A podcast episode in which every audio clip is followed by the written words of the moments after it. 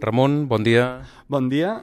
Estem veient un instrument que no havíem vist mai. Què és això? Eh, és, bueno, és el, el violí arpa, jo tampoc l'havia vist mai abans de fer perquè això surt a vegades de la col·laboració entre músic luthier molt directa i vaig construir un instrumentet petit que és una versió del Rebel i que un altre amic em va dir oh, m'he afegit mi cordes simpàtiques que serà molt curiós aquest instrument al final l'entrego a un amic meu músic i em torna al cap de 15 dies de vull això fet en sèrio i en forma violí i cinc cordes i que quasi rentiplats, saps?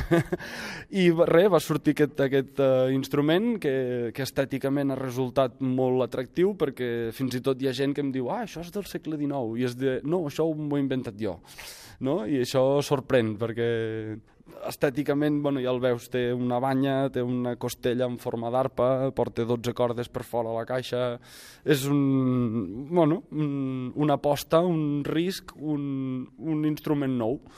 Anem a descriure'l una mica. D'entrada, sorprèn cinc cordes. Els violins normalment en tenen quatre, no? Sí, això avui en dia està agradant molt el violí a cinc cordes per la gent que fa música moderna. Música jazz, música folk, eh, tens aquest registre una mica més greu i si ens posem tècnics, eh, amb un violí a cinc cordes, tots els acords de l'harmonia estan a primera posició si vols fer acords amb un violí a quatre cordes, hi ha un moment en què has de canviar i aquella tonalitat es torna un, com una mica incòmoda, fins i tot per l'instrument. En canvi, amb un violí a cinc, tota l'harmonia, pots fer tots els acompanyaments sense haver de, de preocupar-te, diguem, de, tècnicament a part d'aquestes cinc cordes del violí, a la banda esquerra, a la part superior, diguem, a l'esquerra del mànec, hi ha aquesta extensió de fusta que sembla com una arpa petita, no? Uh, aquí, hem volgut donar-li una mica la forma de l'arpa i d'aquí també hem tret el nom, i llavors a la caixa hem afegit una banya que també és buida per dins, com si fos caixa normal del violí, per aguantar aquesta estructura i permetre que les cordes de simpatia siguin el més llargues possible.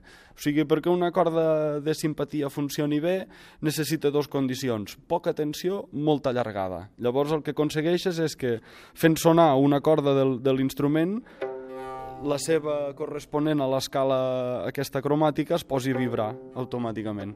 Aclarim una mica el concepte corda de simpatia que els que sou sí. del RAM sí, clar, coneixeu jo... perfectament, però potser hi ha oients mm. que se'ls hi escapa una mica simpàtic. Sona sí, bé, no? Sí, una, una corda que ressona per simpatia, el, automat, el que fa és, eh, si la, la freqüència amb la que està afinada ella està sonant a l'aire, ella decideix posar-se a vibrar i llavors aprofites d'aquest efecte físic per generar la reverberació.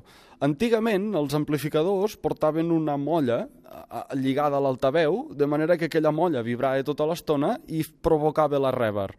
Amb aquest instrument el que hem buscat ha sigut de posar una corda per cada nota de l'escala cromàtica, de manera que quan una nota soni, aquesta corda que està afinada es posi a sonar amb ella i es posa a ressonar.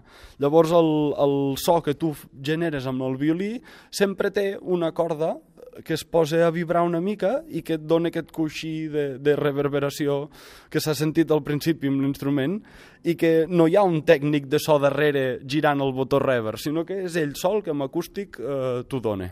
Per tant, tocant aquest violí, entenc, hi ha més ressonància, més volum també? Més volum no, tens més eh, aquesta sensació de, de tocar en una església. O sigui, aquesta reverberació que ens dona una església és la que està donant ell sol sense necessitat de, de la sala. Ens explicaves que era un experiment que ha sortit bé i que hi haurà altres tant, models sí. com aquest, no? Eh, en sortiran més d'aquests violins i, i el que sí faré doncs, és millorar el sistema d'afinació de les simpàtiques perquè ara anem amb clavilles de fusta tradicionals que ho fan un pelet incòmodo.